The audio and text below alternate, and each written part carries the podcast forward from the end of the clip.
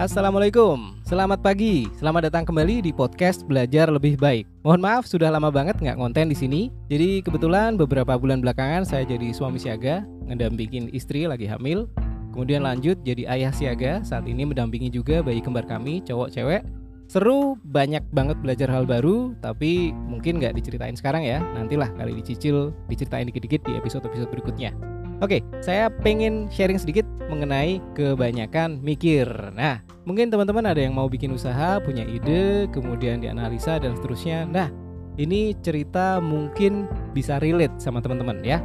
Jadi, kita flashback sedikit tahun 2014, 2015, kira-kira uh, berapa tahun lalu ya? 8 tahun lalu, saya ngumpul sama teman-teman sekantor, ada beberapa orang, 3-4 orang.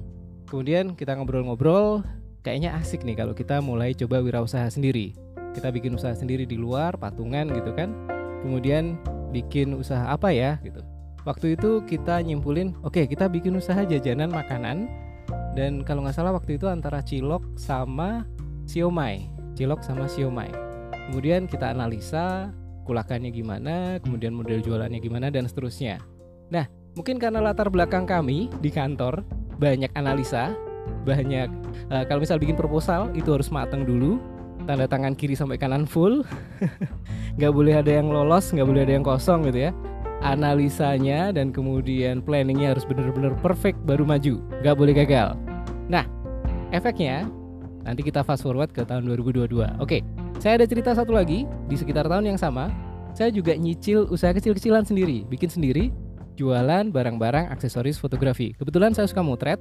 Nah jadi kalau misal saya butuh landscape, saya beli landscape atau tutup lensa, itu belinya misal 5 dari eBay ya, dari luar negeri. Kemudian yang satu saya pakai, yang empat saya jual. Oke. Okay?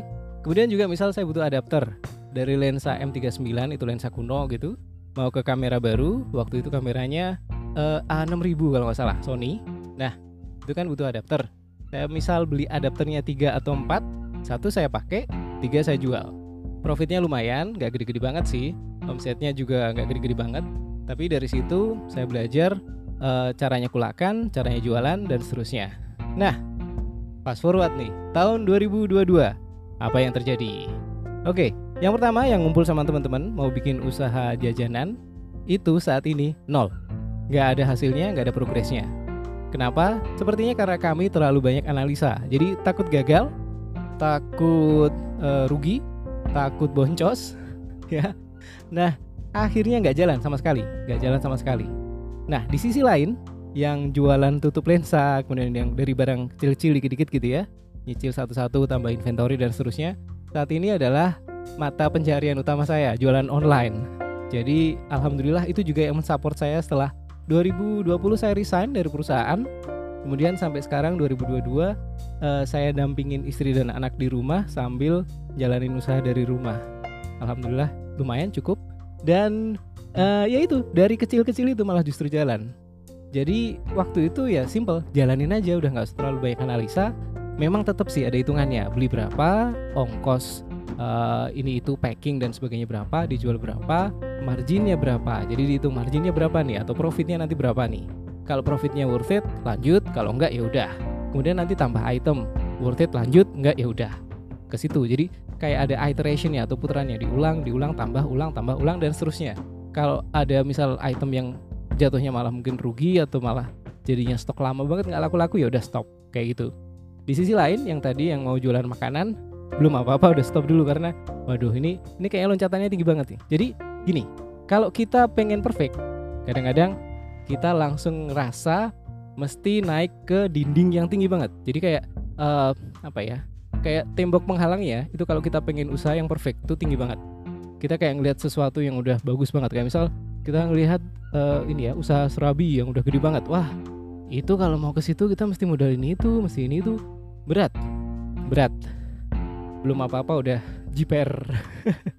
Kalaupun nggak jiper belum apa-apa kita skillnya belum cukup men. Jadi uh, mungkin kita bisa sewa tempatnya sama nyewa karyawannya jumlahnya sama.